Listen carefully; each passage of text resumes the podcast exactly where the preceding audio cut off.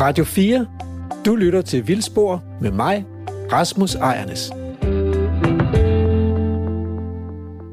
Du lytter til Vildspor, og i dag handler det om vinterens fugle. De fugle, der, øh, der på en eller anden måde synes, at Danmark er interessant om vinteren.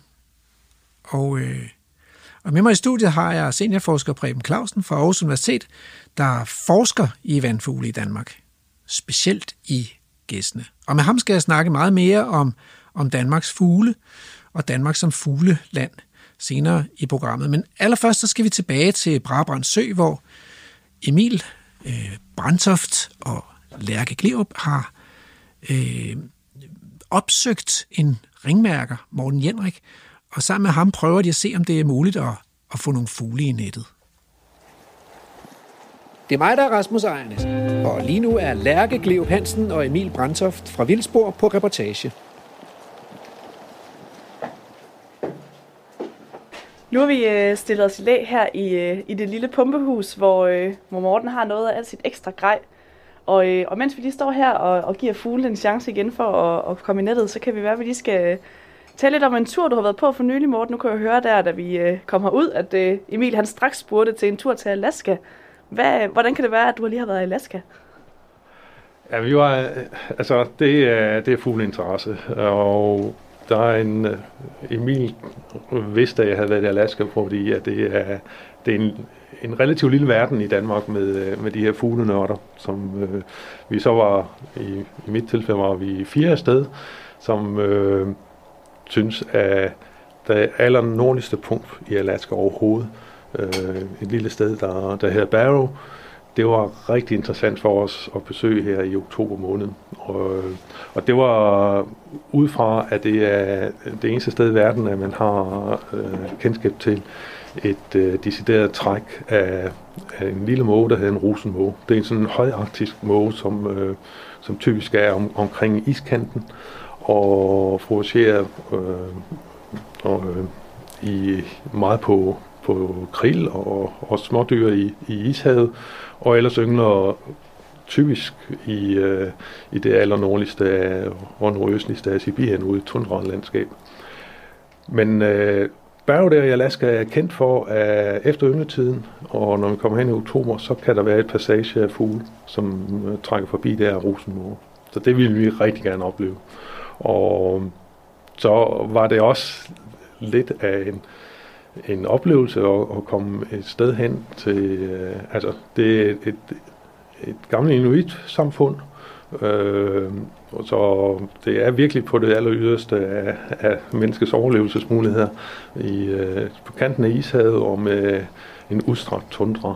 Øh, så øh, da vi kom derop, netop i, øh, i midt oktober, øh, hvor det er kendt, at der kommer det her øh, rosenmågetræk, der er det også øh, et højtid for, for de lokale folk, øh, fordi de har ret til at, at fange lidt valer.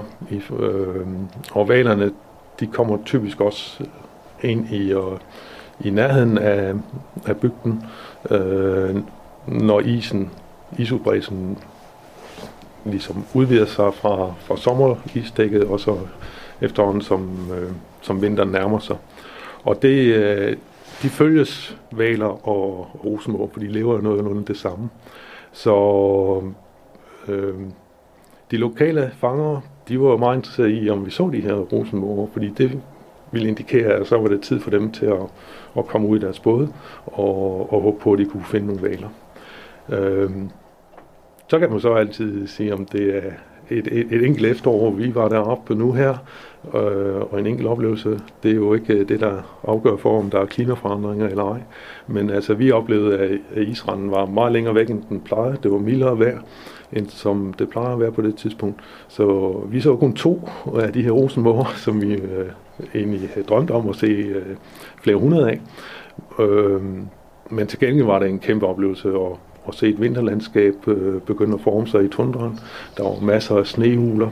Øh, vi havde nogle fantastiske oplevelser med, med polarrev, og i det hele taget også, der var jo så stadigvæk åben vand ude i Ishavet, som vi øh, stod og kiggede på, så der var masser af, af hvidnæbede lommer, som også en, en virkelig imponerende fugl. Vi havde øh, i og ikke det store artsantal, fordi det er der er ikke i det højarktiske område, men det var nogle øh, fugle, som man øh, ellers ikke ser.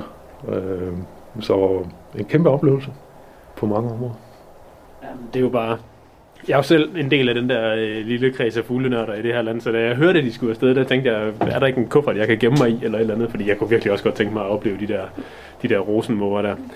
De er jo fantastisk smukke, små, elegante måger, altså en måge er jo ikke bare en måge. Altså, der er dem, der står og larmer nede på havnen, som er de store, brugtende sølvmåger, ikke? og så er der sådan nogle som tværmåger, rosenmåger og sådan noget. Sådan nogle små, fine, elegante måger med virkelig yndige udtryk i ansigtet og alt sådan noget. Altså, de er virkelig smukke fugle. Og det synes jeg da bare... Hvis man så er nødt til at rejse ud til verdens ende i Barrows Point i Alaska for at se dem, så er det jo det, man gør. Så må det være. Øh, har du haft andre store oplevelser med, med fuglene i ringmærkningsøje med? Er der nogle dage, hvor som virkelig sådan har brændt sig fast i hukommelsen? Ja, ja, det er der. Altså, og man kan sige, man behøver ikke at rejse til verdens ende øh, for at få kæmpe oplevelser. Altså, den danske natur byder på rigtig meget, og når vi så snakker om ringmærken, som for mit vedkommende øh, øh, fylder meget, så, så er der jo nogle, nogle kæmpe oplevelser i det. Øh, der er dels det her med individgenkendelsen. Altså, jeg kan have nogle rigtig store dage med masser af fugle, og hvor det er fedt, og man øh, rigtig hele tiden har noget at lave. Det er en oplevelse. Øh, du kan have nogle specielle arter, sjældne arter, som øh, du ellers bliver totalt overrasket over. Lige pludselig hænger der en fugl i net, du ikke øh, havde drømt om var her. Og, og det er en ting. Men for mig, så er den der individgenkendelse, det er simpelthen den, der driver det for mig. Og øh, lige her ved Bramelsø har vi øh, en, en af dem, jeg synes er en rigtig god historie, øh, hvor øh, skægmejs. Det er en, en fugl, som øh, lever i, i rørskovsområder. Og normalt bliver den betegnet som meget øh, stationær, altså den øh, er meget i samme område, og man, den øh, lever af, af insekter om sommeren og, og frø øh, i råskoven øh, i, om vinteren, og er meget påvirkelig af vintervejret. Hvis det er rigtig hård vinter, så kan det øh, simpelthen crashe bestanden, fordi den ikke får føde nok om vinteren til at overleve. Men den har en fantastisk ynglebiologi, hvor den øh, kan få flere kul, og første kul unge kan nå at hjælpe os øh, selv yngle senere på sommersæsonen. Så hvis den selv få individer, der overlever vinteren, kan jo ret hurtigt bringe en bestand på, på fod igen. Men så er der bare det ved det, at der er faktisk nogle af dem, som er trækfugle og, og rykker væk. Det er ikke alle sammen, som bliver i det lokale område. Og her ved Bramsø, der havde vi øh, et forår, en øh, maj måned, hvor vi øh, startede den her overvågning af ynglefuglene ude i Rørskov med ringmærken. Fanger vi en morgen en øh, fugl med en tysk ring på. Og øh, det, var, det var helt fantastisk. En skægmejs, der kom hertil fra Tyskland. Øh, så er vores standardprogram er, at man øh, ringmærker en gang hver, i, i hver 10-dages periode. Og øh, den næste periode, hvor man så gik ud og ringmærkede, så fangede vi den samme pool igen i samme net. Men den her gang, der var der to med ring på. En han og en hun skal ikke majs. Begge to med tyske ringe, og med ringnummer, der havde fortløbende nummer. Så de var simpelthen mærket i Tyskland på samme tid, lige efter hinanden og slå fri. Tilbagemeldingen fra Tyskland kom så på, at nu var øh, ringmærke, eller begge to var ringmærker efteråret før, at vi fangede dem om øh, i maj måned i, øh, ved den lille ø, der her Hindsee, nær Ryggen ned i, øh, ved den øh, nordtyske Østersøkyst. Så det er altså et eksempel på, at en fugl, eller to fugle i det her tilfælde, har dannet et par allerede om efteråret, er flyttet fra et lokalområde dernede, Røskovsområdet, og endt ved Barmans Sø som et ynglepar. Og det er, altså, det er sådan nogle historier, som udelukkende den her ringmærkningsmetode kan give. Og, og det er for mig så stort at man kan, man kan finde ud af sådan noget på den måde. Ja, det er jo, det er jo, det er jo mega fedt at høre. Altså, at, at man, kan, man kan forbinde dem mellem de to punkter, kan man sige, nede ved Hintensee og Brabrandsø, at de, Måske trækker de tilbage hver vinter, eller det ved man ikke. Men øh, skal vi videre se, om der er gået en fugl i nettet, morgen? Ja, vi prøver lige igen. Nu er vi lige tæt på, hvor vi kan kigge rundt og se. Øhm.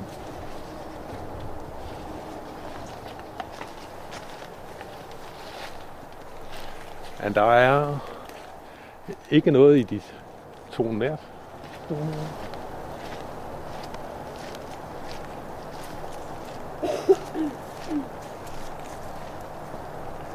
Og heller ikke i de sidste.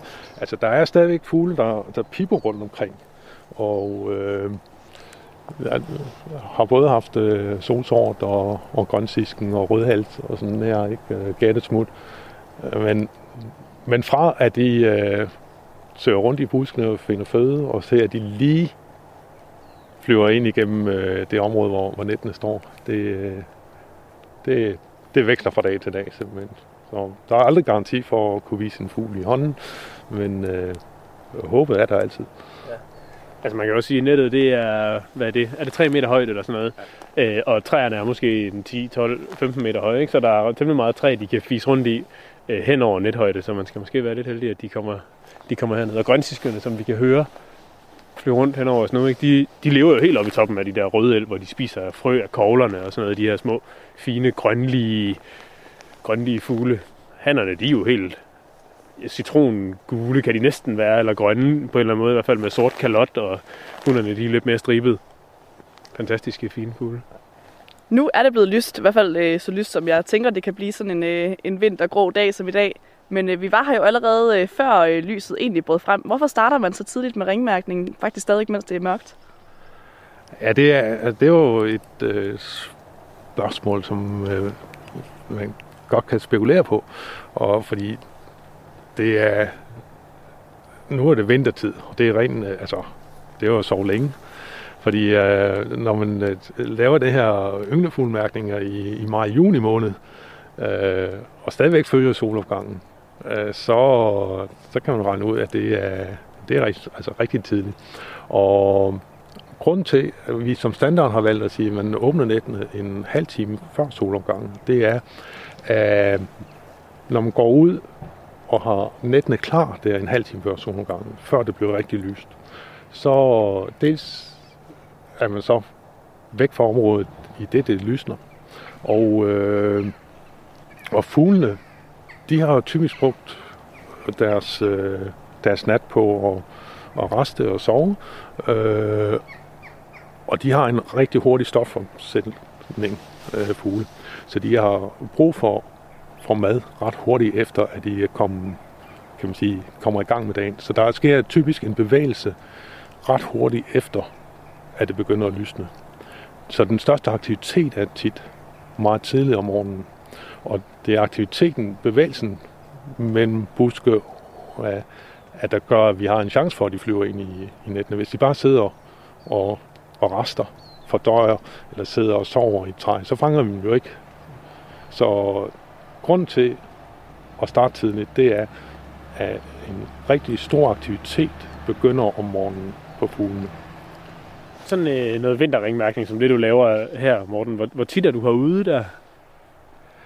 Ja, det er altså det er afhængigt af mine muligheder i forhold til at arbejde også. Øh, for øh, jeg kan jo regne ud, hvis øh, jeg har et normalt arbejde øh, i, i hverdag, så kan jeg ikke stå her øh, klokken 8 om morgenen øh, på, på hverdag.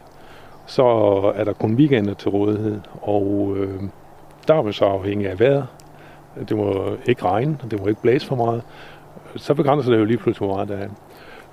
Øh, nu har jeg så haft nogle år, hvor jeg øh, har været meget heldig og meget fleksibel i forhold til uh, mit arbejdsliv, så jeg har kunne, uh, kunne bruge mere tid også på hverdag, og, og mange gange have morgentimerne uh, med ringmærkning, og så først uh, møde senere på dagen. Eller jeg har også øh, haft en del arbejde som øh, frivillig på, på fuglestationer rundt omkring, og, og, og det giver en frihed i forhold til, at man kan bruge tiden på det.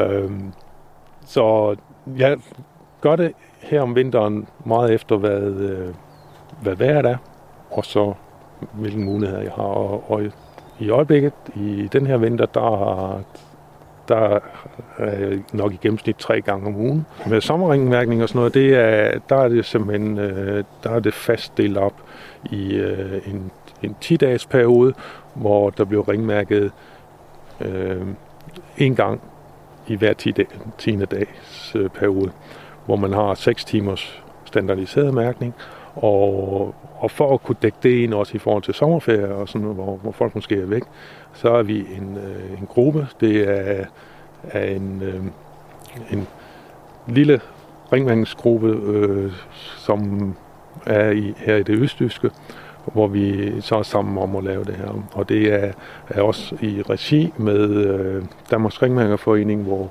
hvor man har startet det, man kalder Constant Effort Site Up. Altså et, øh, et forløb, hvor man får en år lang serie af data med den samme indsats, med de samme netplaceringer år efter år, for at kunne lave statistikken på, på de her øh, bestande. Og det er et, et koncept, der er startet i, i England og udbredt i måske 15 europæiske lande. Så det er jo højt prioriteret også i Danmark, at man bidrager til den vidensindsamling på europæisk plan med, øh, med det her.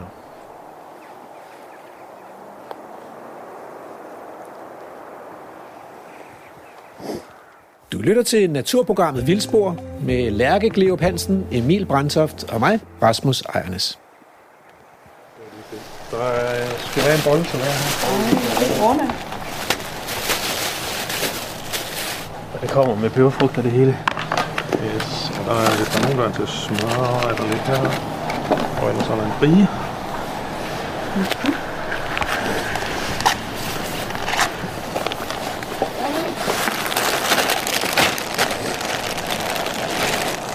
Hvad så, Hardy? Tak skal du have.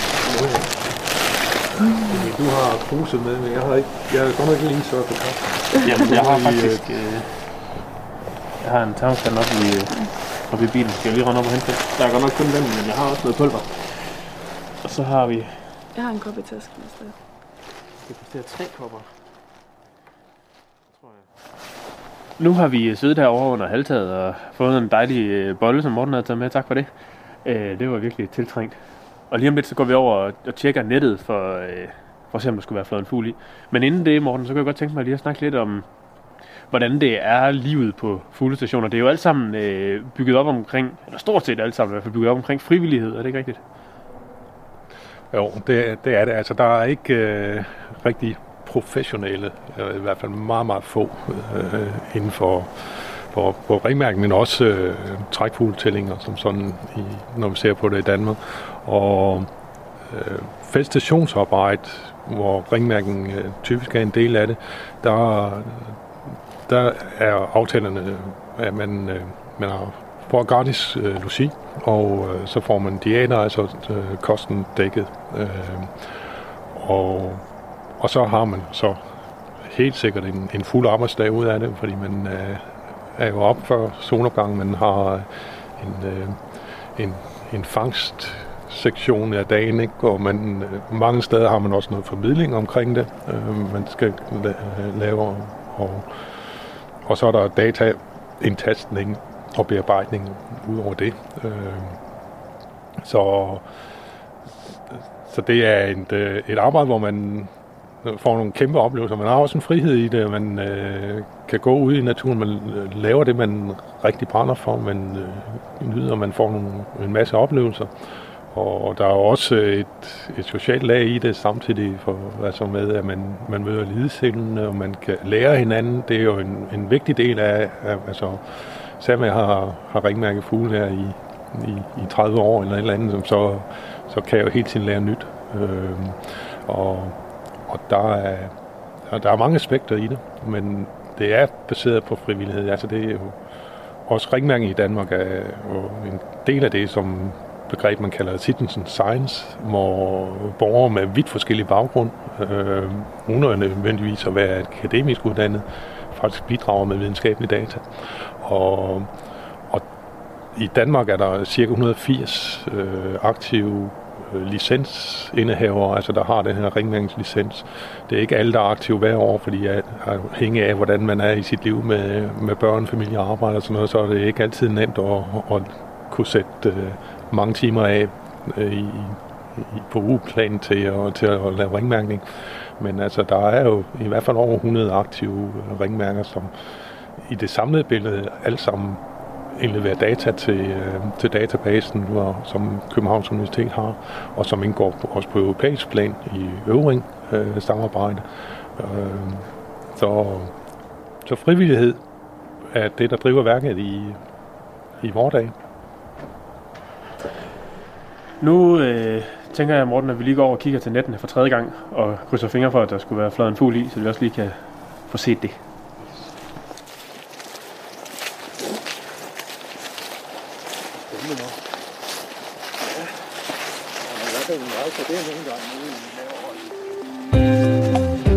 Radio 4 taler med Danmark.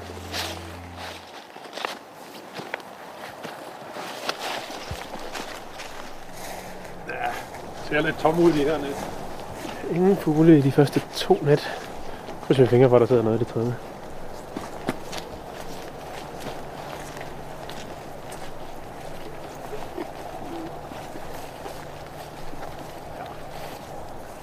Så ingen fugle i den her omgang heller. Og øh, ja, jeg ved, I, I snart skal videre, så det var vist øh, sidste chance lige i den her omgang, men vi kan jo altid prøve at se, om der kommer en udsendelse senere, hvor der er nogle andre ting, der er, er værd at besøge. Også med ringmængden. Ja, det var jo ærgerligt, at der ikke lige øh, var en enkelt lille fugl til os, men det har været spændende at høre om, Morten. Det har virkelig været interessant lige at få et lille kig ind i øh, ringmærkerens verden. Det har været rigtig dejligt. Så tusind tak, fordi du lige ville vise os det. Ja, det er så lidt. I er altid velkommen. Det er også en del af, af det at bringe ringmærkens videre. Også forklare, hvad det er, det går ud på. Men det kan se mærkeligt ud. Man øh, griber ind i et vildt dyrs levevis på den måde her ved at fange det og sætte noget på det. Men altså, vi vil gerne skabe forståelse for, at det er, det er en god mening, og, og uden at det faktisk går ud over fuglen.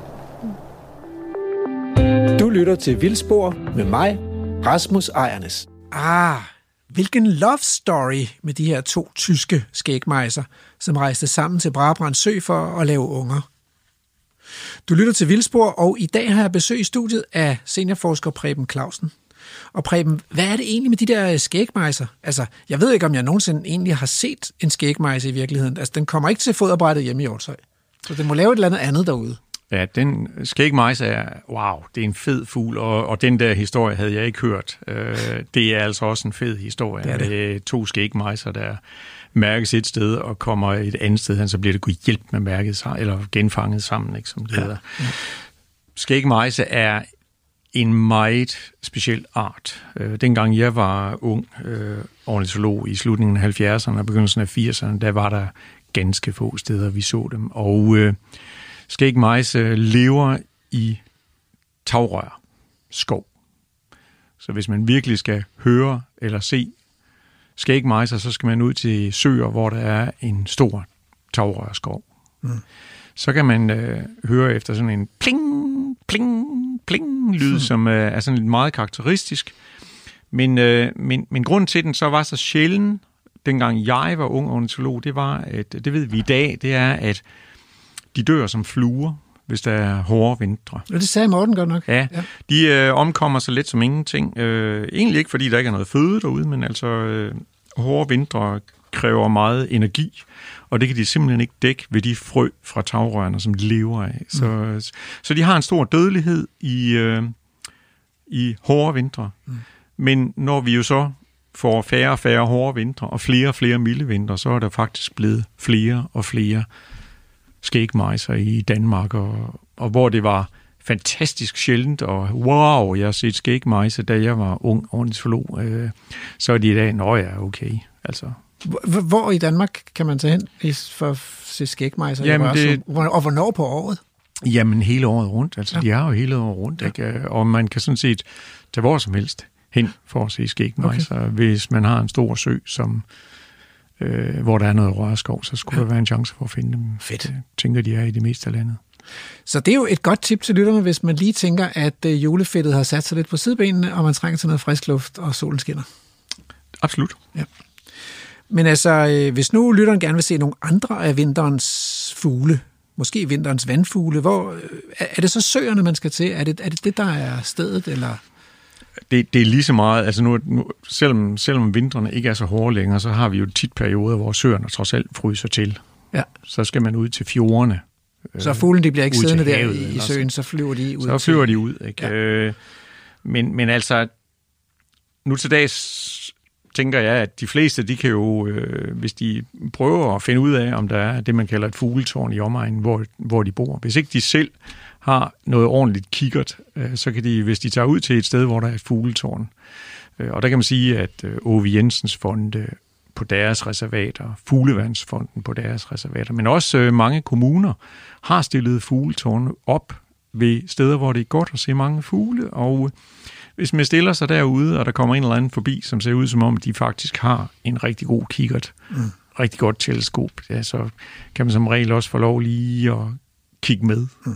Og ellers kan man jo melde sig ind i øh, Dansk Ornitologisk Forening og tage med på de ture, som de arrangerer. Så kan man jo i hvert fald komme ud med nogen, der kan hjælpe en på vej, øh, og som har nogle kompetencer i forhold til at fortælle, hvorfor er det en troldand og ikke en bjergand, eller hvorfor er det en pibeand og ikke en spidsand, eller sådan en stil. Som kan være let at se forskel på, hvis det er, en, hvis det er hanner, straks mere kompliceret, hvis det er hunder. Så det kan godt være svært at låne folks fiskestang øh, ude ved havet, men hvis de står med en kikkert, øh, så er det, øh, og man viser en vis interesse, så kan man jo tit smitte lidt med noget begejstring. Øh, hvad er dit eget ønskested? Altså, hvor vil du, hvis du nu skulle på fugletur her i, øh, i juleferien eller op til jul, hvor vil du så tage hen?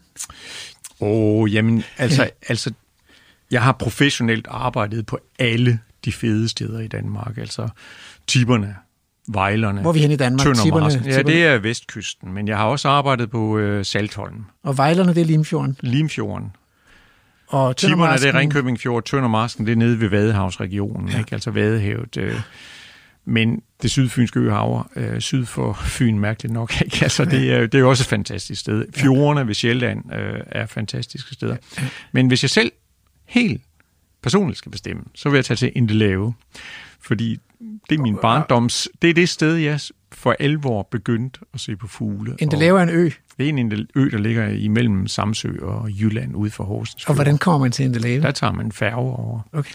Det er en fin lille perle, hvor man har øh, alle danske naturtyper mere eller mindre klemt ind på øh, Jeg tror sgu aldrig, jeg har været en en... på Indelave. fin... Jamen, det, Det er en så fejl. dog afsted, Rasmus. Siger, er der noget med, at der er kaniner også på Ja. Indelave? ja, ja, der er masser af kaniner. Ja, det synes jeg Ja. godt, jeg havde hørt. Ja. Nå, se, øh, nu ved jeg, hvor jeg skal hen. Måske i juleferien.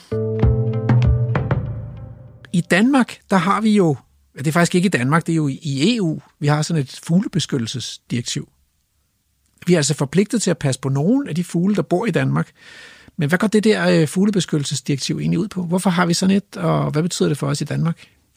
Altså, det, det startede ud med, at man på et tidspunkt øh, tilbage i 70'erne finder ud af, at, at der er rigtig mange øh, lige præcis af de her vandfugle, som øh, er ved at miste deres levesteder. Øh, vådområder bliver drænet og tørlagt, øh, eller det, det blev de i Danmark frem til 65, ikke? Øh, og, øh, og det var processer, der fortsatte i andre lande øh, længere frem. Og der laver man på det første, en af de første naturbeskyttelseskonventioner, hedder Ramsar-konventionen. Mm-hmm.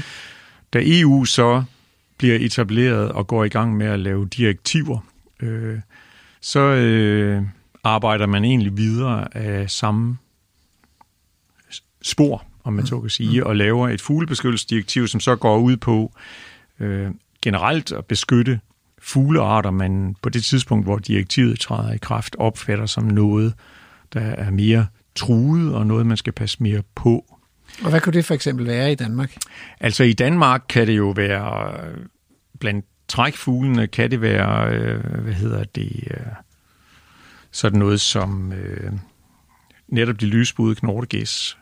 Fordi en af de regler, som, som findes i fuglebeskyttelsesdirektivet, det er, at man skal beskytte områder, som man siger har international betydning. Og hvad er international betydning? Ja, det er så, at, at mere end 1% af en samlet trækvejsbestand af en fugleart Så de, for eksempel forekommer. de knortegæster flyver til Svalbard og yngler. Ja, Hvis vi har mere end 1% af dem, så skal vi i princippet beskytte de levesteder, de har. Og, og når vi så lige præcis taler om lysbud knortegås eller kortnæbbet gås, som er en, an, en anden gås, ja, så er det faktisk sådan, at hele bestanden på et tidspunkt i løbet af året opholder sig i Danmark. De lysbudede knortegæs, de er i... Øh, hele bestanden er i Limfjorden og ved Nisumfjord i Vestjylland øh, om foråret. Vi har det meste af bestanden om efteråret, og det meste af bestanden om, om vinteren, men, men de har så nogle øh, alternative øh, restepladser i, øh, i den østlige del af England og i Holland, hvor dele af bestanden er om efteråret, og i Holland, hvis der bliver hård vinter. Så flaskehalsen, det er, det er om foråret. De tanker op til den store rejse, eller... Nej, øh, det vi ved fra, og der er vi jo så tilbage i øh, ringmærkningen, og, og, og jeg har taget sådan et par gåsefødder med til dig med et par farveringe på. De, det er sådan nogle helt mumificerede øh, sorte gåsefødder. Ja, Altså, er, det, er de lavet af plastik, eller er de virkelig dem her? De er virkelige fødder. Det der, det er så fra, det er tilfældigvis ikke fra lysbudet knortegås, men fra mørkbudet knortegæs. Nogen, jeg fik fra to russiske jæger, som jeg sad og drak vodka med i Hvidehavet. Fedt. Øh, Prøv at høre, de er, og, sådan lidt, øh, øh, de er sådan lidt klistrede. Ja, det, det ved jeg ikke. de hvorfor lugter ikke af noget? Nej, nej, nej, nej. Men, men, men hvorom alting er, at lige præcis de der to fødder er jo så farveringmærket. Der er en lille plastikring øh, på den ene, der er orange, hvor der står et A, og så er der en ja. blå på den anden, hvor der står et T. Ja. Så den her fugl har en unik kode, som øh, hvis man ellers havde set den uden benene var skåret af, så vidste man, at det ene sad til venstre ben, og det andet sad på højre ben. Og så ved man så, at det er orange A, øh, blå T. Og det kan man aflæse fra en, med en kikkert. Det kan man aflæse med en kikkert på en 200-400 meters afstand, hvis man har et Super rigtig smart. godt teleskopkikkert. Ja. Og det man jo så kan gøre år efter år, det er at tage ud og tjekke flokke af knortegæs for sådan nogle ringe. Og på et eller andet tidspunkt, så vil orange A, blå T ikke længere være i flokken. Så kan man ud fra sandsynlighedsberegninger for, hvor, hvor stor er sandsynligheden for, at man opdager en fugl, der er mærket. Der vil jo være nogle år, man ikke ser den, mm. og så ser man den året efter. Så, så finder man ud af, okay, der er også en mulighed for, at en fugl stadigvæk er i live, men jeg overså den bare. Mm. Og det er der så enormt avancerede øh, statistiske modeller, som man bruger til at regne ud, hvad er overlevelsen. Og, og, og det, øh, der er det sådan, at vi ved fra lige præcis den her slags studier, at i lysbudede knortegæs, at det, som er, eller den del af året, hvor de lysbudede knortegæs risikerer at omkomme, det er i isvintre i Danmark, og så er det i perioden fra de forlader Danmark til de kommer tilbage til vinterkvarteret. Så enten dør de i hårde vintre i Danmark, eller også dør de på ynglepladserne, eller på trækket til og fra ynglepladserne. De, de overlever øh, næsten 100% fra det tidlige efterår. De ankommer til Danmark i september måned, og så hen til midvinter. Der, der overlever de. Mm. Der er stort set ingen dødelighed, fordi den ikke længere er jagtbar, den her bestand. Yes. Og, det, og jægerne kan godt kende forskel på dem. Eller det, det. Det kan de, øh, det kan de fleste jæger. Vi har da samtidig eksempler på, at det kan de ikke helt. Men, Nej, øh, jeg men synes de der gæster, de kan godt ligne hinanden lidt. Altså. Jo, det kan de også godt. Men, øh, men det, er, det er ikke... Øh, jeg synes langt de fleste jæger, de har nogenlunde styr på det. Radio 4 taler med Danmark. Men når jeg tænker på fuglene, så, øh, øh, så synes jeg jo egentlig, at Danmark er blevet et sjovere fugleland i de senere år. Ikke? Vi har fået, det er jo ikke svært at komme til at se havørn, for eksempel. Og jeg har også set kongeørn i Danmark, og det går godt med svanerne. Man ser mange sangsvaner om, mm. om vinteren, ikke? og hører dem øh, gå og synge på markerne. Og der er mange gæs, og så man kan godt få sådan det der indtryk. Og, og rød glemte, ikke? En fugl, som var mega sjælden, da jeg Ja. voksede op. Ja. Ser jeg jo næsten hver dag i Østjylland. Ja.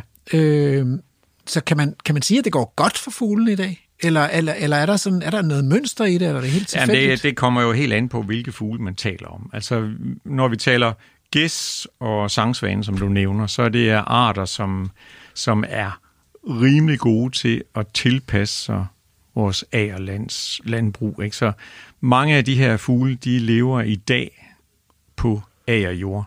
Knortegæstene er en undtagelse i den forbindelse, men de andre bestande af gæs, vi har i Danmark, bramgæs og, og hvad hedder det, øh, kortnæbbet gæs og rågæs og kanadagæs og så videre, de kan sådan set fint gå på en rapsmark, på en vintersædsmark, på en mm. Græsafgrøde, eller at finde deres mad der. Eller, og nu, nu i de senere år er de begyndt at gå på, på spil efter, øh, hvad hedder det, majs. Mm. Foder majs, ikke? Mm. Og det har de øh, det er rigtig fint med. Der er mange andre arter, som har en, en mere speciel, øh, et mere specielt fødevalg, mm. eller, altså insektædende arter i landbrugslandskabet. Stæren, stæren, som vi talte om for eksempel, de, ja. de, de har det ikke så godt. De ja. har det absolut ikke så godt. Nej, nej. Viben, Vibens bestand er siden 75 reduceret med 80 procent. Øh, så, så vi ved, at øh, Agerlandets fugle har det svært. Ja. Øh, vi ved, at øh, det vi kalder ingefuglen, altså vibe, store korsnæb, røde ben osv., de har det svært, fordi de har mistet rigtig mange af deres levesteder. Ja. Skovens, skoven, skovenes fugle, der er, der, der er sådan en eller anden underlig forskel imellem. Øh, det virker lidt som om, at mange af dem, der trækker langt sydpå til Afrika, har det dårligere end dem, der ikke trækker så langt for at overvintre. Så, så der kunne være noget med vinterkvarteret Det kunne være noget med vinterkvarteret, ja. og, og, og, og det er jo det, vi hele tiden prøver at finde ud af. At, altså, vi kan jo lave nok så meget forvaltning af hensyn til en bestemt fugleart i Danmark. Mm. Men hvis problemet ligger i yngleområdet i Rusland eller mm. overvindringskvarteret i Vestafrika, mm. så kan vi jo ikke gøre noget ved det. Mm. Og derfor laver vi tit en forskning, og, det har jeg så også gjort, gjort både med de lysbudede knortegæs og med de mørkbudede knortegæs, som er involveret, at vi sådan set både har arbejdet i samarbejde med, med hollænder eller englænder omkring, hvad er der op og ned på deres økologi og mm. forvaltning i vinterkvarteret, og så har vi været på ynglepladserne øh, i Grønland og på Svalbard har jeg en af vores andre kollegaer været arbejdet med dem øh, på ynglepladserne. Jeg har været i Hvidehavet med, mørk, med de mørkbudede knortegæs. Det er sådan set på halvvejen til yngleområdet i Sibirien, hvor de så øh, øh, stopper i Hvidehavet for at leve af ålegræs i en meget kort periode. Men det er altså en kort periode, som for de mørkbudede knortegæs er enormt vital. Mm. Nu er vi allerede bevæget os op i et område, hvor der findes sådan set tre habitater. Der findes ålegræsset ude i Hvidehavet. Så findes der en meget smal bræmme af stranding i området, og så skifter det til taiga, altså hmm med en skov, hvor vi kan finde alle de fuglearter, som, som vi Flor drømmer om at tage op og se i uh, Nordsverige og Nordnorge og Finland og så videre, blandt myggene, ikke?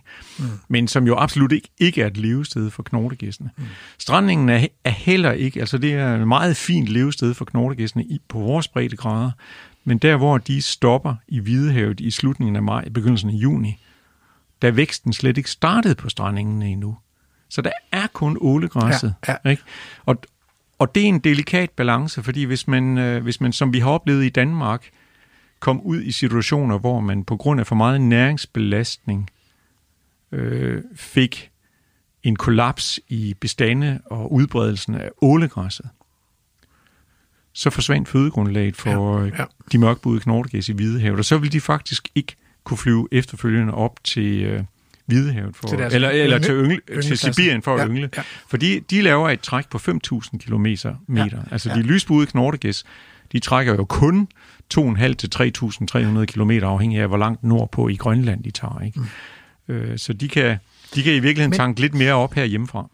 Men, øh, men altså, øh, hvis nu... Øh du har, du har faktisk også studeret, hvordan vi gør det, og hvordan går det så med fuglene ude i de her øh, fuglebeskyttelsesområder og sådan noget. Hvis nu vi, vi, vi bare leger, at du var enevældig konge og havde et ubegrænset statsbudget, hvor vil du så sætte ind for ligesom at, at løse nogle af de problemer, fuglene har i Danmark? Eller altså, vil du i virkeligheden sætte ind et helt andet sted i verden, men altså... Ja. Altså, altså i, i, Dan, i Danmark har man jo en proces i gang, i forhold til Som går ud på hvad? at reducere næringsbelastningen i vores fjordområde. Ja. Så, det er, så det er, en vigtig, det er set ud fra øh, ålegræsset ja. vigtigt. Og, og hvis vi nu tager fat i ålen... Ikke? Ja, det altså, gør vi, ja. Jamen, jamen, det er jo hele vejen rundt. Ikke? Altså, det, det handler jo... Hele den der diskussion omkring ålegræs og næringsstoffer i de danske vådområder handler jo ikke om ålegræsset. Nej. Det handler om det økosystem, som er afhængigt af, at der er ålegræs, eller ja. havgræs, eller ja. børstebladet vandakser, hvad de nu hedder, de planter, der lever ude i det lav, lavvandede mm. område. Det er opvækstområdet for fisk, mm. og der er rigtig mange forskellige arter af, af fugle, som også lever mm. i, i den habitat. Mm. Så det er det første sted. Det andet sted, det er, øh, når vi taler de kystnære fuglearter, som jeg er beskæftiget mig med, så er det jo... Som for eksempel altså, ja, udover gæsten, yngel, men- ynglende er ingen fugle, ikke? Ja, altså, ja. Jamen altså, hvis... Øh, Så vi er ude i koversnæppe og... ja, vi er ude i Korsnæb, Engryle Brusøerne, og- Ingeryl og ja, så videre. ja. Det al, allerførste problem for dem er jo, at øh, en dansk strandeng, den vil, hvis man undlader at pleje den, Så går ændre- det i tagrør så går det i højgræs og- tagrør, ja. og så kan du sådan set gå ud og se øh, din, øh, hvad hedder det, skægmejse ja. i den habitat, som jo ellers var det sted, der var rødben og vibe og store Ja, ja. korsnæppe ja. og brushøne. Ja. Og det er et... Øh, Så der skal græsning til der skal langs med græsning kysterne til, og det er, det er et... Øh, det er et for mig at se et endegyldigt, eller et- et endeløst problem, at øh, altså jeg har, jeg har jo arbejdet med knortegæstene på øh, lokaliteter siden 88 Mm. i Danmark. Mm. Og jeg kan jo se, hvordan man, øh, man har et område, som så, øh, jeg arbejder meget op ved Agerø sydvest for Mors, øh, Mm. hvor der er rigtig mange strandinge i det område, som er afgræsset af kreaturer, men der er også områder, som, hvor græsningen den ophører. Mm. Rundt ved Maja Fjord, der er der rigtig store arealer, hvor græsningen er ophørt, og hvis man tager sådan til Sydsjælland, Lolland Falster, Møn, så er der endnu større andel og jeg af ser jo- som er ophørt. Jeg ser jo det samme. ophørt. Altså når jeg kommer ud i ådale, eller i bakkelandskaber, eller sådan noget, hvor, hvor vi har de der naturtyper, øh, græsland, hede, overdrev, eng og sådan noget, så, så inde i landet, så oplever man det samme. Ja, og det er lige præcis de arter, som er afhængige af nogle af de der levesteder, Ja, som, ja. som er nok mest presset ud over Agerlandets fugle i Danmark. Men altså, hvad skal vi gøre? Er det, er det noget med at omlægge landbrugsstøtten, øh, og, og er der overhovedet nogle landmænd, der gider det her længere? Ikke? Altså fordi, hvor dyrene for 100 år siden, næsten alle sammen, også tamdyrene, var ude i landskabet, så de, står de jo i dag inde på en, en stald, ikke? og så, er det, så, så bliver de fedet op i stallen, ikke? Ja, ja. Eller Altså- altså, malkekvæg, som skal give mælk. Eller, Ja. Altså jeg, jeg, jeg plejer sådan lidt at, lidt at sige, at, at hvis, vi skal, hvis vi skal redde nogle af de her arter, som er i de her områder, så skal vi, så skal vi øh, tilbage til Morten Kork landbruget mm. i forhold til afgræsning. Mm. Mm. Ikke? Øh, og øh, og løs, løsdriftsstalle, øh, med, øh, hvor selv kvier i dag i stigende omfang går indendørs. Mm. Øh, det er i hvert fald ikke en løsning for de her arter. Altså, øh, altså sidste uge, uge, der var vi på kravjagt i Vildsborg, og der, der talte vi om det der med, at, at, at nogle gange så truer naturen også sig selv. Ikke? Altså at, og nu snakker vi om, at tilgroning kan true levestederne, men nogle gange så er der også rovdyr som kraver, våger, ørne og ræve. Skal man, skal man, skal man regulere dem? Er det, er, er det nogle gange nødvendigt at regulere dem for at redde engfuglene? Altså, altså nu, nu kommer vi så over i en anden del af fuglebeskyttelsesdirektivet, som så er den første forhindring for at... Altså, man, man kan diskutere, om man skal eller ikke skal, men, Ja. men lad os lige tage i juraen først. Ja. I fuglebeskyttelsesdirektivet er der to bilag. Der er et bilag 1, som er de mest beskyttede arter. Mm. Det, det er havørn for eksempel. Det er rørhø. Det går ikke at skyde dem. Det er arter, som, som faktisk potentielt kunne øh, ligge og fiske, og det er vandrefalk. Det er Ja, arter, som, ja. ja. som kan leve af nogle af de her arter ude i de kystnære områder. Det må man sådan set ikke Nej. bare lige skyde. Nej. Og så er der et bilag 2, som lister de arter, man må, man må skyde. Mm. Og der er nogle af de andre rovfuglearter, de er jo ikke på bilag 2. Mm. Der er strengt taget ikke åben for, at man bare kan lave en jagt Mm. på de her rovfugle. Mm. Øh, overordnet set vil jeg også sige, at hvis ellers naturen trives, så burde der også være en mulighed for, at der var en eller anden naturlig balance imellem rovdyr på den ene side og byttedyr på den anden side. Men, men, men der, hvor man så i nogle situationer har sagt, at her må vi altså dispensere lidt fra det og for eksempel bekæmpe ræve øh, i en dansk kontekst, det, det er jo netop, når vi så bevæger os ud på de art, ud til de arter, som, som er trængt ud i krogene, fordi mm. vi har næsten ikke deres levesteder tilbage mm. længere. Og vi har, vi har nogle bestande, der, der nærmest hænger i vandskorpen med kløerne for overhovedet at være tilbage i Danmark. Og, der Og har så man giver det sagt, mening med kunstigt åndedræt Ja, det har man, det, man kan kalde det kunstigt Ja. åndedræt, ikke Ja. også? Altså, og, og, og øh, også nogle af ternerne, altså vi har nogle øer i Danmark, hvor, øh, hvor hvad hedder det, øh, hvis der kommer en rev over og etablerer en revgrav på en, en ø, hvor, hvad hedder det, den så skal leve af ternekolonien. Ja. Ja, det, øh, Det er sådan set ikke en ret god Vi kender- der kender man godt slutningen. Og, og, og derfor kan man i de der situationer sige, der, der er man altså nødt til at overveje, om ikke der er Altså Preben, der. øh, det her, det kunne vi jo snakke rigtig meget længere om, men øh, øh, jeg, vi bliver simpelthen nødt til at, at slutte, og så må jeg trække dig ind til et nyt vildspor. Men jeg vil gerne sige dig mange tak, ikke mindst fordi du tog alle de her spændende ting med, som vi har kigget på i dag. Øh, vi, normalt er det os, der har, øh, der har sådan nogle små spændende ting med ude fra felten til, øh, til ugens gæst, men, men det havde vi jo ikke i dag, så det, er jo- der reddede du os på målstregen. Og så til sidst vil jeg bare høre, skal du spise gås eller and til jul? Altså, hvis jeg havde en vild and, så ville det være helt fantastisk. Jeg skal være alene med min søn. Okay, jamen, så vil det passe fint. Tak skal du have, det var en fornøjelse. Du lytter til Vildspor med mig, Rasmus Ejernes. Ja, så er vi nået til dagens tråd. Og øh, i dag stammer den fra den offentlige Facebook-gruppe Sommerfugle Atlas, som har øh, 2.890 medlemmer, og den er lagt op af Emil Bjergård. Og, og her er det nødvendigt at sige, at Emil Bjergård er øh, øh, et helt specielt menneske. Han har i detaljer og igennem flere år øh, fast hver forår og sommer fuldt alle de sjældne dagsommerfugle i Østdanmark, Sjælland, Lolland Falster. Øhm, og det er ret vildt. Han skriver her, serien Troede danske dagsommerfugle. Del 1 omhandler isblåfugl. Polyomatus amandus, det er det videnskabelige navn for isblåfugl, som er sådan en lille blå øh, sommerfugl. Han skriver, det sidste stykke tid har jeg hygget mig lidt med serien Troede palearktiske dagsommerfugle. Men nu hvor jeg endelig har lidt tid igen til at komme videre med min bog, tænkte jeg, at jeg ville starte en serie op for de danske arter med materialeuddrag fra min bog. En videre har jeg også besluttet at drosle ned på mit registreringsprojekt, der har kørt i en del år efterhånden. Efter jeg er gået over til at koncentrere mig mere om det palearktiske, kan jeg vide, hvad fanden det er. så. Og i særdeleshed det, særdeleshed det europæiske, på bekostning af det danske. Historien er den samme som herhjemme. Det dør bare. Kun tempoet er anderledes. Men der er trods alt mere at beskæftige sig med ude i Europa. Projektet slutter dermed i 2019, som det nu har kørt i flere år. Øh, jeg kan ikke både øh, koncentrere mig om det danske og det europæiske. I opslaget her om isblåfugl følger en række arts- og lokalitetsbilleder samt til sidst historiske data. Ja, så skriver han altså her, så kommer vi til historien om isblåfugl. Jeg har med denne art ikke valgt at behandle data før 1990, eftersom arten dengang var latterligt almindelig i hele Østdanmark. Arten uddøde i Gribskov i 1990'erne.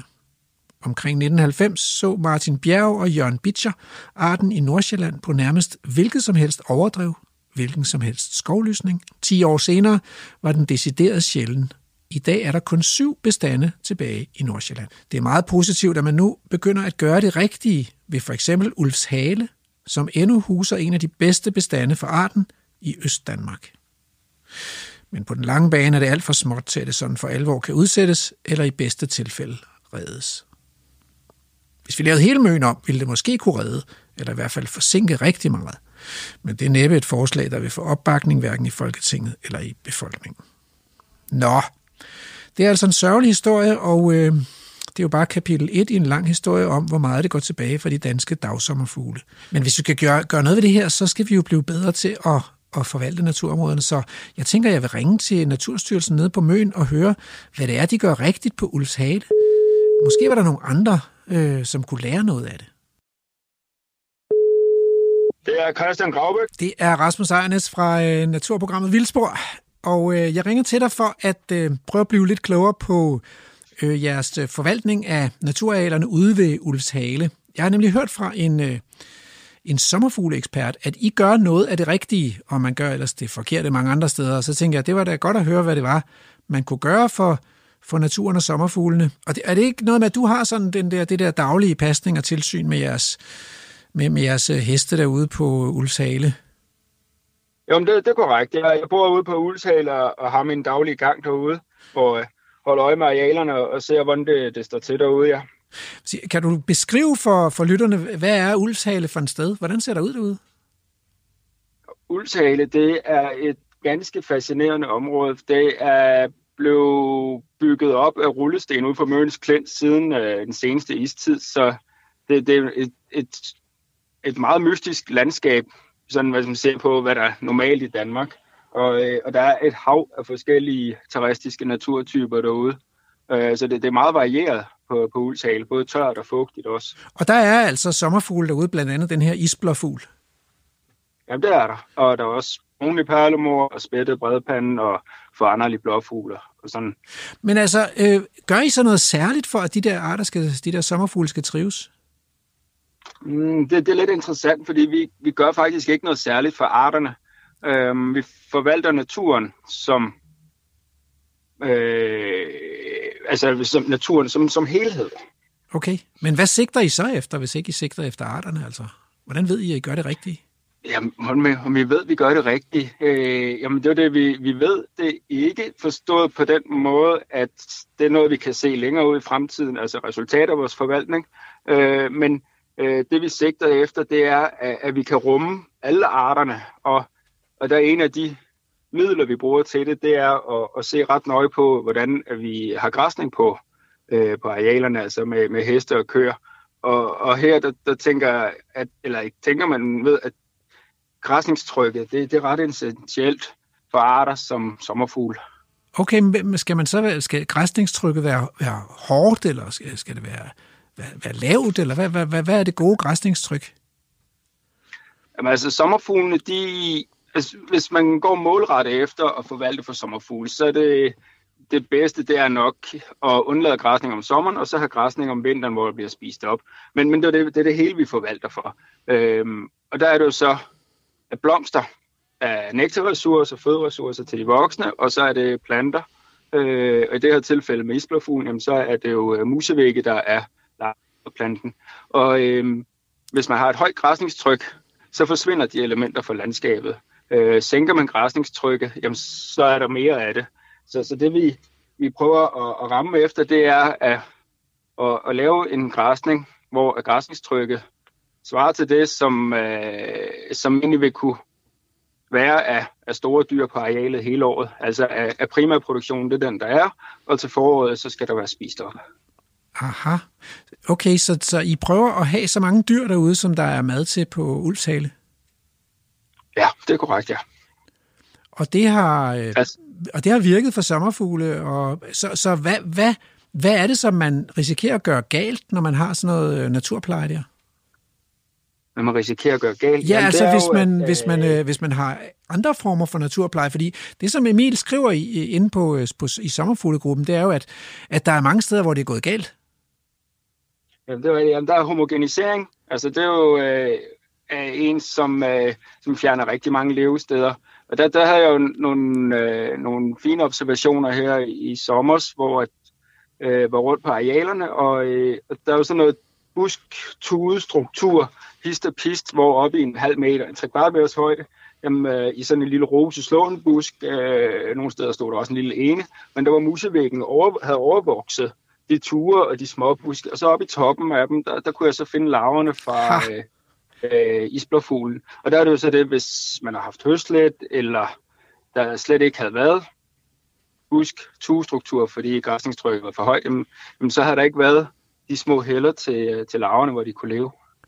Så hvis man, øh, hvis man maskinplejer øh, så nogle arealer der og kører store maskiner henover og gør dem ensformige, homogeniserer dem, så risikerer man faktisk at fjerne levestederne for de her sommerfugle? Ikke kun for sommerfugle, det er for mange arter. Ja. Okay. Ved du hvad, øh, det var nogle rigtig gode råd at tage med videre øh, og dele ud af. Øh, så held og lykke med isblåfuglen og de andre spændende sommerfugle på Ulsale og dyrene, øh, hesten og køerne. Jo, tak. Tak skal du have. Lytter til Vildspor med mig, Rasmus Ejernes. Du har lyttet til Vildspor. Tak til Emil og Lærke for reportagen ude fra Brabrandsø. Tak til Morten Jenrik for at vise rundt, og tak til Preben Clausen for at komme og gøre os klogere. Og øh, ikke mindst tak til den mildeste producer, Andrew Davidson. Hvis ikke solen skinner på dig i det kommende triste hverdag, så fortvivl ej. Der er vildspor igen på næste lørdag kl. 10.05. Men ho, vi mangler jo ugens haiku. Skægt, tysk mejsepar. Weekend sex ved Brabrand Sø. Fælden klapper børn. Programmet er produceret af Folkeuniversitetet og Aarhus Universitetsforlag for Radio 4.